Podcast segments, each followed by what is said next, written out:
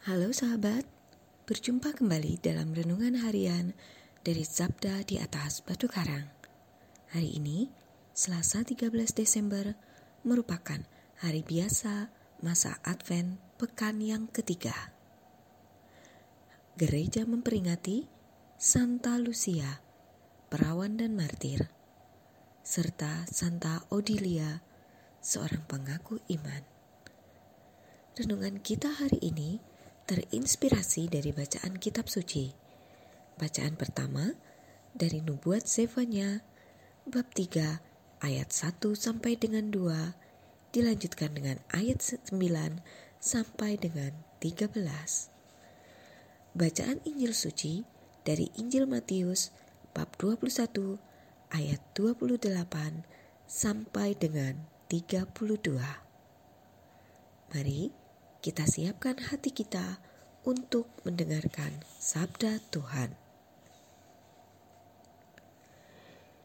Yesus berkata kepada imam-imam kepala dan pemuka bangsa Yahudi,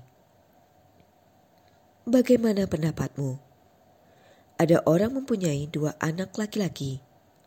Ia pergi kepada yang sulung dan berkata, 'Anakku, pergilah bekerja di kebun anggur hari ini.'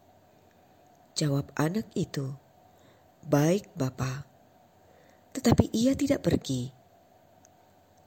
Lalu orang itu pergi kepada anak yang kedua dan berkata, "Demikian juga." Dan anak itu menjawab, "Tidak mau." Tetapi kemudian ia menyesal, lalu pergi juga. Siapakah di antara kedua orang itu yang melakukan kehendak ayahnya? Jawab mereka. Yang kedua,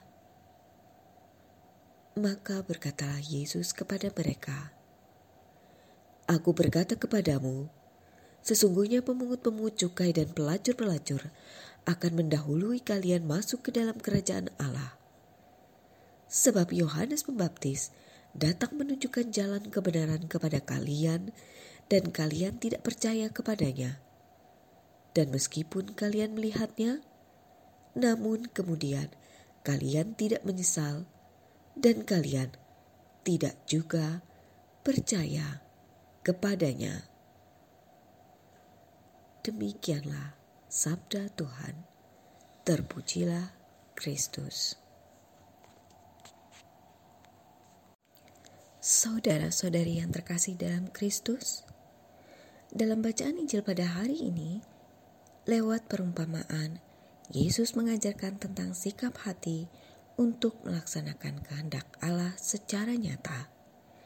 Yesus menggambarkan Allah seperti seorang bapa yang tidak boleh membiarkan anak-anaknya bermalas-malasan. Allah menghendaki anak-anaknya untuk bekerja demi kehidupan diri sendiri maupun bersama. Sebagai orang Kristiani, yang telah menerima sakramen baptis, kita tidak boleh untuk diam saja atau berleha-leha seenaknya.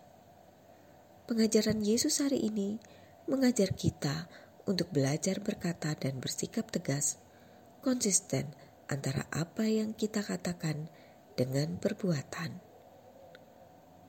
Saudara-saudari yang terkasih, biasanya dalam pekan ini gereja memerintahkan kita untuk pergi pengakuan dosa.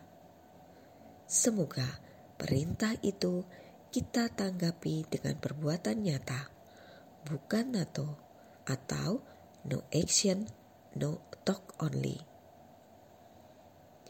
Ya Yesus, semoga aku mampu melaksanakan kehendak Allah dalam terang Roh Kudus. Amin.